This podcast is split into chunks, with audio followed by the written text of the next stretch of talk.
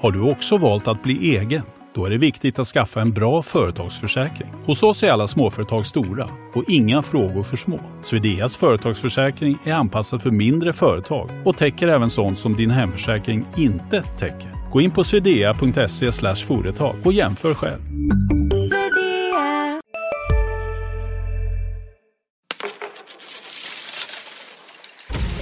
Är du controller och vill få överblick över trender och utveckling?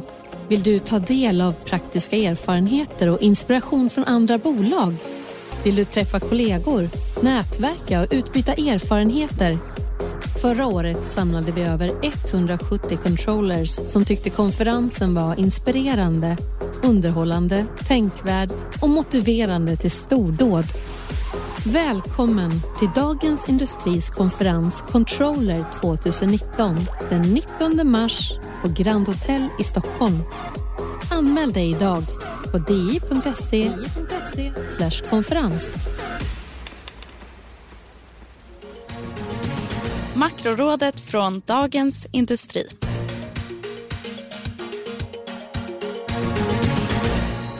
Hej och välkomna till Makrorådet, podden där vi diskuterar de riktigt stora frågorna i världsekonomin och förstås i Sverige. Idag är det Andreas Wallström, eh, gammal eh, i gamet när det gäller makrorådet men ny som prognoschef på Swedbank och sen Kristin Magnusson Bernard som är global analyschef på Nordea som gör mig sällskap här i DIs poddstudio. Varmt välkomna till er. Tack så mycket. Tackar. Vi har mycket att prata om idag som vanligt. Vi ska prata den väldigt svaga svenska kronan. Vi eh, ska prata eh, både globalt och svenskt när det gäller konjunktur och politik. Det är väl lika bra att vi bara sätter igång. När det gäller kronan då så har vi faktiskt fått den första räntehöjningen på väldigt länge från den svenska riksbanken. Och en anledning till att riksbanken dröjde så länge det var ju mycket talat om att de inte ville göra kronan för stark. Men trots detta då så handlas eh, kronan handelsväg till de svagaste nivåerna sedan skuldkrisen. Mm. Och också på historiskt svaga nivåer mot euron och dollarn. Varför är kronan så svag? Kristin, vill du börja? Ja, dels kan man ju säga att en räntehöjning gör ingen kronuppgång. Det, det är ju en enskild liten 25 punkters höjning vi har fått. Och det i det stora hela gör ju kanske inte att just räntesidan spelar så stor roll som man hade kunnat hoppas. Sen så kan vi också faktiskt säga att svensk tillväxtfördel har försvunnit. I prognoserna från Nordea och flertalet andra banker så ser det inte ut som Sverige kommer växa snabbare och det är också då ett ytterligare skäl till att inkommande data ser, ser ganska svag ut. Pratar man med internationella bedömare är det också både mycket bostadsmarknad och mycket frågor kring egentligen hur räntemarknaden fungerar efter stora kvantitativa lättnader som är i fokus. Och det är för all... lite att köpa det när det gäller obligationer i Sverige? Ja, och det, det, det, kan vara svårt att ta stora, likviditetsfrågor kan göra det svårt att ta stora positioner. Och det, allt det här på marginalen kan ju bidra. Och sen i allmänhet, går vi in i ett mer osäkert läge så är det ju inte små valutor som den svenska som brukar klara sig bäst. Vad säger du Andreas, håller du med? Ja, det gör jag i stort sett kan man säga. Det är ju alltid svårt att ens i efterhand försöka förstå varför kronan beter sig på ett visst sätt. Men om man ska göra det ändå så brukar kronan handla svagt i, i osäkra tider och det får man ju ändå säga att vi är inne i just nu. Vi hade ju ganska stor börsturbulens inte minst i slutet av förra året då som jag tror är en delförklaring. Allmän oro, en del specifika orosmoln för svensk ekonomi tror jag också man kan peka på, precis som Kristin är inne på. Ja, det är väl, det Men så det betyder, och, och ränteskillnader. Betyder sagt. det att en, en eurokurs på 10,40 som är det vi har idag, är det någonting vi ska vänja oss vid? Kommer kronan liksom, har vi tappat permanent här? Vad tror du? Jag tror fortfarande ser det så att de flestas prognoser är att kronan ska stärkas lite. Men det är klart att eh, givet de prognosfel som har varit nu i ganska många års tid så får man ju vara väldigt, väldigt ödmjuk för de där prognoserna. Och eh, själv så är det ju lite svårt att se vad är det som Sverige ska glänsa i då framöver. Så ska få tillbaks på något vis de här, kanske framförallt internationella köparna. För det handlar om relativt glänsande. Men relativt det, Europa då, om ja. vi pratar eurosek då mm. till exempel. Ja. Och så på valutamarknaden så är det ju så, ska man komma ihåg, att det, det, är inte bara det att vi ska glänsa utan vi ska glänsa mer än vad folk redan räknar med. För Exakt. det som man räknar mm. med finns redan mm. inbyggt i, i kronkursen. Men vad säger du Kristin, vad väntar ni när det gäller kronan? Är ni en ja, alltså kronoptimister väl, eller kronpessimister i det här läget? Vi har väl mer funderat på euron relativt kronan, så att från andra hållet i det paret. Så att säga. Och då hade vi väl i alla fall tidigare trott att det skulle komma en hel del som talar för euroförstärkning i år. Nu ser tyvärr euroområdet ut som det saktar in ganska ordentligt. Men försöker man titta på lite sikt så är det ju ändå så att man, det är lättare att tänka sig att man kan se ränteuppgångar på vissa, av vissa skäl i euroområdet. Medan till exempel är ju vår vy på, på, på, Riksbanken att det är svårt att faktiskt komma igång med ordentliga räntehöjningar utan att det skulle orsaka en sättning på bostadsmarknaden. Och det gör att man är i ett lite låst läge om man skulle vilja höja räntan markant, vilket då verkligen är någonting som skulle tala för en kronförstärkning om man mm. kunde få det utan de negativa konsekvenserna. Så mm. precis som Andreas är inne på lite så det, det är svårt att se vad som skulle kunna orsaka en riktig kronförstärkning utan att ha någon typ av bieffekt. Och den mest negativa vore förstås om någon tänker en positiv inflationschock till exempel. Riksbanken känner sig tvungen att höja samtidigt som det ser ett rätt skakigt ut av andra skäl. Det behöver inte alls leda till en kronförstärkning i en sån miljö. Att man mm. liksom blir orolig för att stoppa pengar i Sverige. Håller du med Andreas? Vad ja, har alltså Swedbank för Vi, vi är ju lite mer aggressiva på Riksbanken till exempel och tror att de höjer redan i september. Sen har vi ytterligare två höjningar nästa år, ja, vilket är lite mer än, än Nordea. Då. Och, eh, vi tror ju då att bo, till exempel svensk bostadsmarknad eh, kan stå emot det här väl eh, Eh, och ser ju inte liksom bostadsprisnedgångar framför oss. Och det är klart, i en sån miljö då eh, att inflationen ändå ligger nära målet och Riksbanken faktiskt jackar upp räntan lite och ECB kommer inte göra mycket på räntesidan i varje fall. Eh, det tycker jag ändå liksom borde tala för en kronförstärkning. Men, men ja, som sagt, man har gått bet många gånger på de där resonemangen så jag, det är ingen stark övertygelse. Nej, och det vi hör ofta från internationella kunder är ju att man tycker det är svårt att läsa både Riksbanken och till viss del faktiskt också Norges Bank som vi tittar mycket på, men särskilt Riksbanken. Att det är för svårt att förstå strategin och det gäller särskilt den här sista räntehöjningen när man såg en tydlig inbromsning av ekonomin och så höjer man i alla fall. Då tror jag att många hade hoppats på en tydlig kommunikation. Okej, nu höjer vi ett par gånger så vi blir av med minusräntan. Men när man då inte reviderade prognoserna särskilt mycket mycket, till skillnad från vad alla andra bedömare gjorde, så gör det att det är lite svårt att läsa strategin. Och att ha en tydlig penningpolitisk strategi är ju en av de viktigaste sakerna för mm. internationella mm. investerare. Då blir det en riskpremie på kronan som då handlas fortsatt 10,40 ungefär mot euron, mm. över 9 kronor mot dollarn. Och det är historiskt svaga mm. nivåer. Så en, kanske en viss förstärkning, men fortsatt svag krona under året. Är det så man ska tolka er två? Ungefär? Ja. Det hade varit ännu roligare om vi hade haft helt olika vyer här, men vi, vi, vi får nog passa på den. ja, men vi får se. Men en del i det här kanske lite svagare Sverige då, som vi ser, eller inbromsningen i Sverige, är att de svenska hushållen verkar hålla igen. Och det är trots att arbetsmarknaden går ganska bra, det är hyfsade, hyfsad inkomstutveckling. Vad beror det här på? Ja, jag tycker det är också en svår sak egentligen att förstå. Precis som du är inne på så är förutsättningarna för hushållskonsumtion ganska goda. Men jag tycker man kan peka på vissa saker som historiskt har liksom hängt ihop ganska mycket med hushållskonsumtion. Dels så är det utvecklingen på bostadsmarknaden. Eh, vi såg ju prisnedgången 2017 då med viss fördröjning så kan ju det faktiskt ha påverkat hushållskonsumtion. Också börsnedgången i slutet av 2018 kan eh, ha dämpat köplusten. Eh, jag tror också man, man ska inte helt spela bort eh, kanske en trend också mot att det finns en vilja av att inte konsumera lika mycket. Alltså en hållbarhetstrend? Ja, jag tror det, det, har man ju kanske ofta sagt och det är frågan är varför just det nu ska spela ut. Men, men jag tror faktiskt, min känsla är ändå efter sommaren 2018 att det blev en annan medvetenhet och en annan diskussion. Så jag, jag tycker inte man kan Men kan man inte konsumera hållbara tjänster då, till exempel? Eller gå på bio? Jo, eller det, vad gör man? Det, och det gör man väl fortfarande mm. i, st i, stor utsträckning. Men jag tror mm. det som ofta är konjunktur i hushållskonsumtion är ju typiskt sällanköpsvaror, elektronikvaror och sånt där. Kylskåp och renoveringar och ja bilar och sånt. Vad säger du eh, Kristin? Ja, dels kan man konstatera att väldigt många av de här sällanköpsvarorna är nära kopplade till bostadsmarknaden. Och jag tycker nog personligen att det har blivit lite för mycket fokus på just kommer vi få fortsatta prisfall även om priserna ligger still så på är bostadsmarknaden en, just på det. bostadsmarknaden, ja. Även om priserna ligger still så är det en jätteförändring mot vad vi har kommit ifrån. För att det vi brukar titta på det är skillnaden mellan vad utlånings, om man ska, bolåneräntorna och huspriserna, hur det ser ut. Då har man faktiskt fått betalt för att låna ganska länge. Det får man inte. Så tittar man på svängningen i hur man har gått, för mycket man fick betalt till hur negativt det är nu, så är det en 5-10 procentenheter. Det är stora förändringar även med en bostadsmarknad som ligger Du menar still. man får betalt för att låna för att man lånar till ett hus och stiger, eller boende och så stiger det i värde så att man liksom... Bostadspriserna har stigit snabbare Mm. än det, det du betalar procentuellt ur ränta och nu är det tvärtom.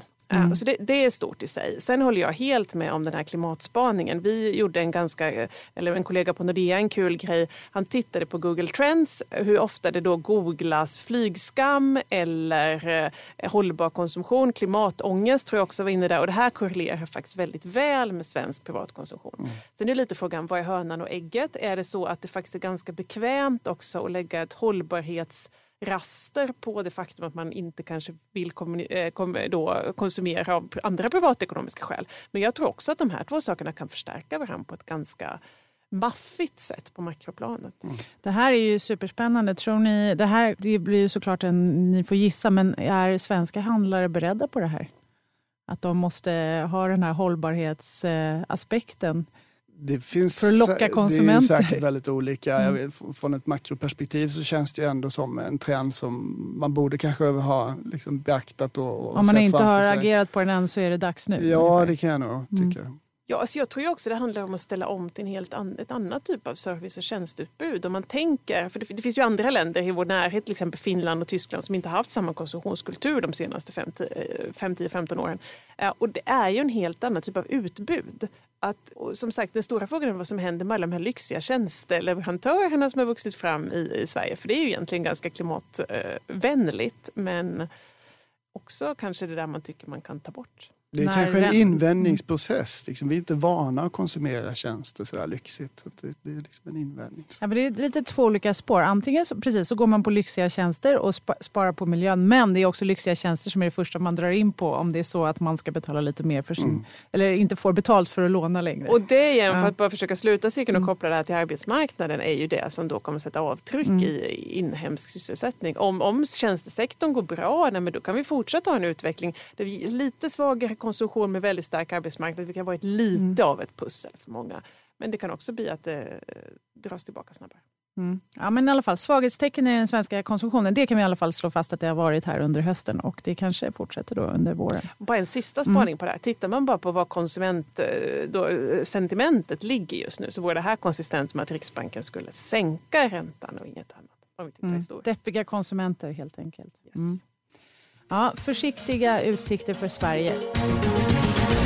Ni har även med er två spaningar som ni har fnulat på lite extra. Och jag vet Andreas att du har tittat på något som ligger ganska nära det här med när vi pratar om privat konsumtion och vad man har för inkomster och så här, nämligen regeringens finanspolitik. Ja, det stämmer. Berätta. Vi slår ett slag för finanspolitiken nu och tycker det våras för den i, i ett par avseenden.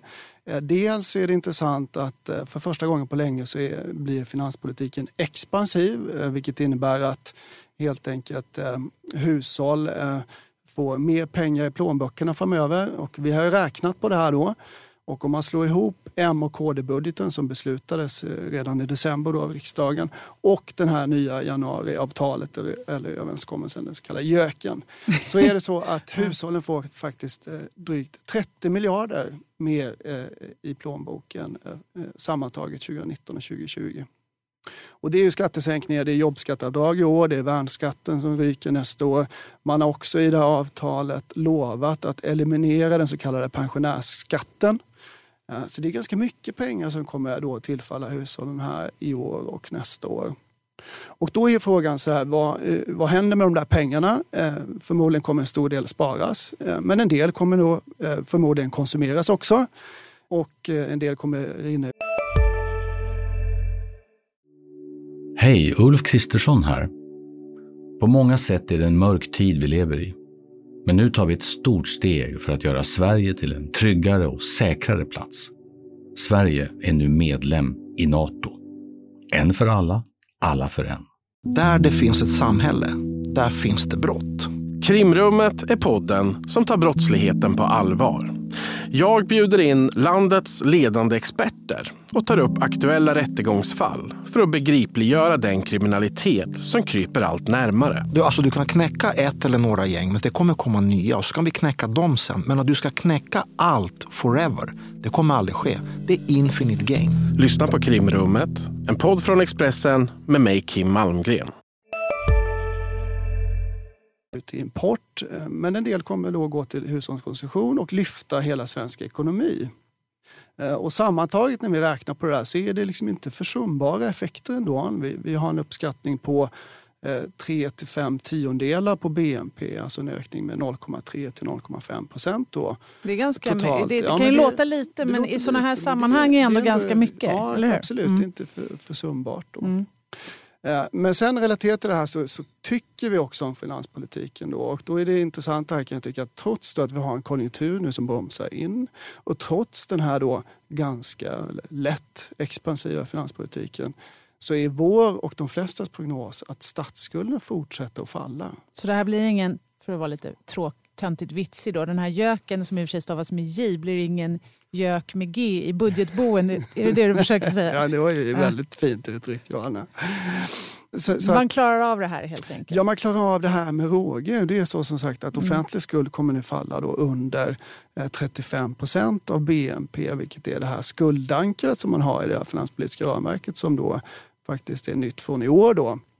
Och det, det gör ju att egentligen så borde ju politikerna spendera ännu mer faktiskt för att då eh, komma upp till det här skuldankaret. Eh, det är ju inte jättestor avvikelse än så länge men vår bedömning är, min bedömning är att det finns utrymme och ha en ännu mer expansiv finanspolitik. Och, och det kan ju motiveras nu dels av då stabiliseringspolitiska skäl att vi går in i en svagare konjunkturfas. Men också framförallt tycker jag man ska ha det här perspektivet. vara vad ska Sverige vara om tio år och, så där, och förbättra. Liksom. Det här har varit en käpphäst du har ja, jag framfört vet. Jag länge. fortsätter att trycka ah, på med ja. den här. Och det, det, är och det finns gott om utrymme till att göra det då. Ja. Sen ska man såklart göra bra och rätt saker. Då. Vad säger du? Nej, men jag tänkte, så, ja, många käpphästar väntar bara här. Men, men jag tänkte bara i det här sammanhanget, vi är väl lite osäkra på om allt det här ryms inom överskottsmålet beroende på hur, hur sättningen, vad man gör för antaganden då om intäkter och sådär. Så jag har en liten konspiratorisk spaning här som jag som gärna skulle ha er vy på. Det har ju till exempel skickats en del signaler om ränteavdragen från Bolund. Så en sak jag har funderat på, om man också vill faktiskt göra vänsterfalangerna inom Socialdemokraterna lite nöjda. Vad tror ni om att man tar bort värnskatten som är beslutat och sen så lägger man ett tak på hur stora ränteavdrag man får göra. Så man börjar få Så att höginkomsttagarna ett inte får ta... får, man inte får dra av hur mycket ränteintäkter som helst. Alltså, så att man, man då på sätt och vis både ger och tar lite till höginkomsttagarna att man därmed ändå dels kanske klarar överskottsmålet om det här verkar i farozonen men också ger något då till, till vänsterfalangen för att faktiskt visa att det här inte bara är skatteeffekter då som, som missgynnar låginkomsttagare. Ja, det är en intressant spaning och på något vis så kan jag tycka att det påminner lite om utvecklingen i Frankrike och varning för gula västar då kanske i Sverige också faktiskt. Just det här januariavtalet var ju väldigt mycket skattesänkningar till rika. Och eh, det här grön skatteväxling då innebär ju liksom då bensinskatter som slår väldigt brett, och inte minst ute på landsbygden. Då. Så det är klart, det finns ju en, en sån dimension i det här. Man, jag tycker redan man har sett lite bevis på det här. Eh, man kom ju för några dagar sedan och utlovade höjd garantipension. Eh, på 2 miljarder kostar det totalt sett, vilket är ett sätt också och ja, helt enkelt. För jag tror ju nämligen, vill man fortsätta att få ner sårbarheterna på bostadsmarknaden utan att orsaka en stor sättning, då kommer man behöva hitta åtgärder som mer riktas in på de som inte är i en så värst känslig ekonomisk situation. Och till exempel ränteavdragen, att börja fasa ut dem för alla när det också finns till exempel skuldtak för de, vi vet att många låginkomsttagare och så vidare har svårt att ens komma in. Mm. Det tror jag både blir politiskt svårt och kanske också ger för stora smällar i fråga om privat konsumtion. Så att försöka hitta sätt, vilket man också sett i en del andra länder, att eh, lite klämma åt och ge och ta på höginkomsttagarna. Det är min mm. lätt konspiratoriska finanspolitiska vy. Ja, men det är spännande. Konspirationsteorier i, i makrorådet. Någonting annat, Kristin, eh, din spaning som du har tänkt lite extra på, den handlar om, mer om det internationella, eller hur? Du har tänkt på vad den amerikanska centralbankschefen egentligen, vad han egentligen menar. Ja, eh, Jerome Powell, alltså Fed-chefen i USA, han har ju haft det hett om öronen på sista tiden. Är det inte Trump som twittrar så är han nu anklagad för att sitta i knät på marknaden. Han är också lite av en kommunikationskatastrof etc. etc. Jag kan nog lite hålla med om de här kommunikationssvårigheterna Jerome Powell har, har, verkar ha haft. Men jag har ändå tänkt så här, finns det ett sätt att faktiskt säga att det här beslutet som Fed nu verkar ha tagit, att dels pausa med räntehöjningar och dels se över sin balansräkningsstrategi igen, faktiskt är en ganska vettig sak att göra. Och då kan man dels säga, tittar man på amerikansk data så är vi faktiskt på, i många avseenden ungefär i linje med var någonstans Fed brukar pausa. En sån här klassisk tumregel är när 80 80 procent av amerikanska delstater har en arbetslöshet som är under eller på nivån av det man kallar NIRO, alltså en av alla härliga ekonomförkortningar, nämligen den nivå på arbetslöshet där man, där man börjar driva inflationen. Då brukar Fed pausa. De har också höjt ungefär så många gånger som de brukar höja från botten, även om de inte är uppe på lika höga nivåer som tidigare. Det kan man också säga och det mm. finns även den amerikanska konsumenten börjar deppa lite. Tittar man vad då amerikanskt konsumentförtroende så ligger det ungefär 50 procentig sannolikhet för recession i, vad det då skulle motsvara. Och det är ju också kanske ungefär vettigt läge att pausa lite. Det också finns lite tidiga tecken på att arbetsmarknaden faktiskt börjar bromsa in och så vidare. Däremot kan man ju säga att det var väldigt olyckligt att vara ute några månader tidigare och prata om högre neutrala räntor och att amerikansk ekonomi skulle minsann eh, klara sig så mycket bättre. Och lite är väl lärdomen i det här att hålla sig till saker som man kan observera i realtid och neutralräntan är ju vare sig observerbar eller, eller verifierbar på sin nivå. Mm. Mm, för så Paul jag... var ute precis innan då, i oktober när marknaderna vek ner så var han ute och sa just det här att vi, vi, vi, vi har en bit kvar och sen redan om nu nyligen. Exakt. Däremot så är det ju fortfarande så att hur han då egentligen förhåller sig till marknaderna och framförallt den olika vy marknaden och kanske centralbanken har kring vad som spelar roll. Där det är uppenbart att marknaderna tycker de här kvantitativa lättnaderna och om man då skulle pausa i det, det är en stor sak för riskaptit. Mm. Det är mm. definitivt något som stödjer börsen.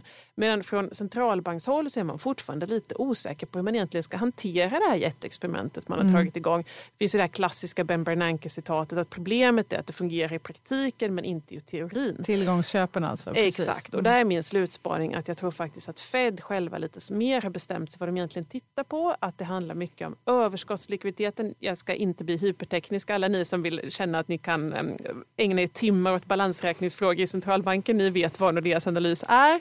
Men eh, det, det, handlar lite om att man nog inser att man faktiskt har trappat av snabbare än man trodde. Man har stramat åt lite mer än, än vad, vad man trodde och det fick eh, effekt då här i slutet på 2018. Vad säger du Andreas? Jag som står här i studion ser att du ser fundersam ut. Ja, Berätta. Jag, jag är fundersam. Det överraskade ju oss och många får man ju säga ändå Powells besked här för ett par veckor sedan. Där han var väldigt mjuk och signalerade att det är lika sannolikt att liksom, de sänker som höjer nästa steg. Så det var ju verkligen en lång paus som han indikerade. Mm. Och eh, som de flesta läste, en tydlig reaktion liksom på det finansiella tumultet och mycket börsoro. Som var kring årsskiftet. Ja. Här. Mm. Och, och, då kan man ju liksom spekulera i ja, vad, vad, ska man tro om Fed då framöver. Då? Och då, nu är det många som skjuter fram då, liksom, det blir inga mer höjningar och marknadsförväntningen är ju verkligen inte det. Det är många som pratar om sänkning nu då som nästa steg och sådär. Ja, men jag, jag, tror kanske ändå det är att dra det lite långt. Man, jag skulle inte bli jätteförvånad nu om om vi tittar på utvecklingen de senaste veckorna så är börsen tuffat på ganska fint. Vi har fått ganska bra statistik från USA. Eh, trots... Rapportsäsongen har varit bra, man tänker även på börsen. Ändå ja. uh -huh. Stark arbetsmarknadsstatistik mm. Eh, trots den här government shutdown och sådär. Så att, och, och, skulle börsen springa iväg för mycket här nu då, då, kan jag mycket väl tänka mig att Fed vill börja guida igen för att det faktiskt kan komma någon höjning och sådär. Så det, det kan gå ganska snabbt. Marknaden springer väldigt snabbt på det här. Men om man som jag ändå är, är ändå hyggligt optimistisk om amerikansk ekonomi, att det, det inte kommer att rasa ihop, då tror jag vi kommer kanske få se en annan guidning för Fed framöver. Mm jag tror att det här framförallt tar ju bort så att säga tailrisk, svansrisker för en recession i USA. Därför att eh, det som hände var ju att marknaden började prisa in en recession och Fed var långt, långt därifrån. Nu närmar man sig och jag tror att man kan försöka, kommer försöka hålla sig, se till så att marknaden inte, som Andreas är inne på, vare sig springer iväg i positiv eller negativ riktning och jag menar, blir det mer av en mjuklandning i amerikansk ekonomi är det ju väldigt goda nyheter för resten av världen som, det ska vi inte glömma bort, faktiskt har mycket mindre penningpolitisk ammunition att möta en nedgång än vad faktiskt Fed har. Så en långsam avmattning är bra nyheter på något sätt? Är det så man ska... Ja, det tycker jag man kan. Så, så tror jag man ska tänka på att Fed är ju väldigt om man säger, symmetrisk kring sitt inflationsmål. Alltså för dem skulle det inte vara jättekonstigt om inflationen låg över 2 ett tag. Va? Och, och, det är ju ganska få som ser det här inflationstrycket ändå byggas upp i USA. Så därför, alltså varför ska man höja räntan framöver? Jag liksom säger emot mig själv här lite nästan. Det, på något vis måste det komma tror jag av att man ser det här fortsatt lönetryck på, ja. och att det verkligen stiger och att det kommer inflation. Men jag, jag, tror verkligen att man vill avvakta nu ett tag. Det för oss ju helt osökt in på vad vi väntar på för statistik den närmaste veckan. Eller vad säger du Andreas? vad kommer du hålla ögonen ja. på? De, de nej, men det är såklart, eh, nästa vecka så är det ju för svensk del, det viktigaste är att Riksbanken kommer med besked, även om det är ju ett väldigt mycket vänta och se-möte. Det finns ju ingen som tror att Riksbanken egentligen kommer göra någonting nu. Man har ju själv indikerat att först efter sommaren, kanske redan i juli i och för sig, skulle man kunna agera, eh, kommer nästa höjning. Då. Så just nu så är det lite mellanmöte därför inte så jätteintressant. Det kan komma kommunikation om vad de, hur de ser på balansräkningen Eh, Eh, men det räknar vi inte med heller egentligen, utan det ska komma först i april tror vi. Då. Det är väl det viktigaste tycker jag. Kristin, vad kommer du hålla ögonen på? Nej, men jag, dels tyckte jag var en lite kul siffra som kom från euroområdet idag. Lite inköpsindex. Det såg förfärligt ut på det mesta men tyska bilorder såg faktiskt lite bättre ut. Det har varit väldigt mycket fokus på tysk bilindustri så att det är frågan om det då är ett litet ljusningstecken i vad som övrigt ser väldigt mörkt ut från euroområdet. Så jag kommer fortsätta hålla koll på eurostatistiken om det finns någon som helst tecken på att det vi får visar att det kan vara tillfällig svaghet. Jag är tyvärr inte jätteoptimistisk kring det men, men det kommer jag hålla koll på. Och sen kommer vi förstås, vi har fått en massa försenad amerikansk statistik på grund av att då statsapparaten har varit nedstängd. Så det kommer vara spännande att se om det finns något mer info i det där. Så att vi mm. faktiskt, nu har vi fått flyga blint här nästintill ett tag och det är väldigt jobbigt för folk som sitter i marknaden. Mm. Och jag tänkte också på när jag var inne på det här så tänkte jag på att det kommer en del inflationssiffror, eller ja. hur? De kommande veckorna, apropå det som du talade om förut, ja, Andreas. Absolut, det är också såklart alltid viktigt. Och mm. Nu är det då januarisiffrorna som kommer och mm. Eh, för svensk del så är de alltid extra svåra att förutse därför att man viktar ju också om den här konsumentpriskorgen då. Alltså det liksom, måste man göra en bedömning av det också. Så det sätter ju lite vad ska man säga, benchmark för hela året den där siffran. Så det är ju ganska stort fokus. Mm. I synnerhet när man har en centralbank som så tydligt fokuserar på mm. inflation. Ja, det blir fortsatt spännande veckor och sen så nu också när rapportsäsongen klingar av så kommer vi säkert få lite extra fokus då på marknaden på just de här makrosiffrorna som kommer. Vi är så tacksamma att ni kommer hit och berättar om dem och hjälper oss att analysera dem. Stort tack till eh, Kristin Magnusson Bernard och Andreas Wallström för att ni var med här idag. Makrorådet från Dagens Industri. Podden klipps av Umami Produktion. Ansvarig utgivare Peter Fällman.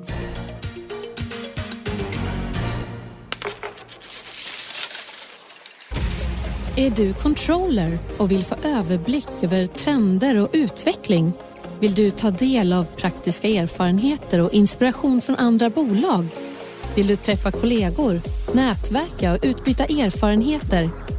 Förra året samlade vi över 170 controllers som tyckte konferensen var inspirerande, underhållande, tänkvärd och motiverande till stordåd.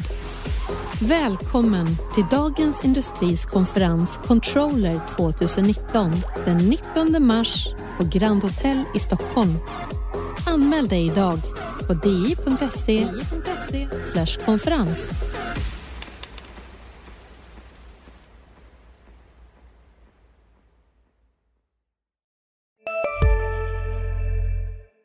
Hej, Synoptik här. Hos oss får du hjälp med att ta hand om din ögonhälsa. Med vår synundersökning kan vi upptäcka både synförändringar och tecken på vanliga ögonsjukdomar. Boka tid på synoptik.se. Kurrar i magen och du behöver få i dig något snabbt? Då har vi en Donken deal för dig. En chicken burger med McFeast-sås och krispig sallad för bara 15 spänn. Varmt välkommen till McDonalds.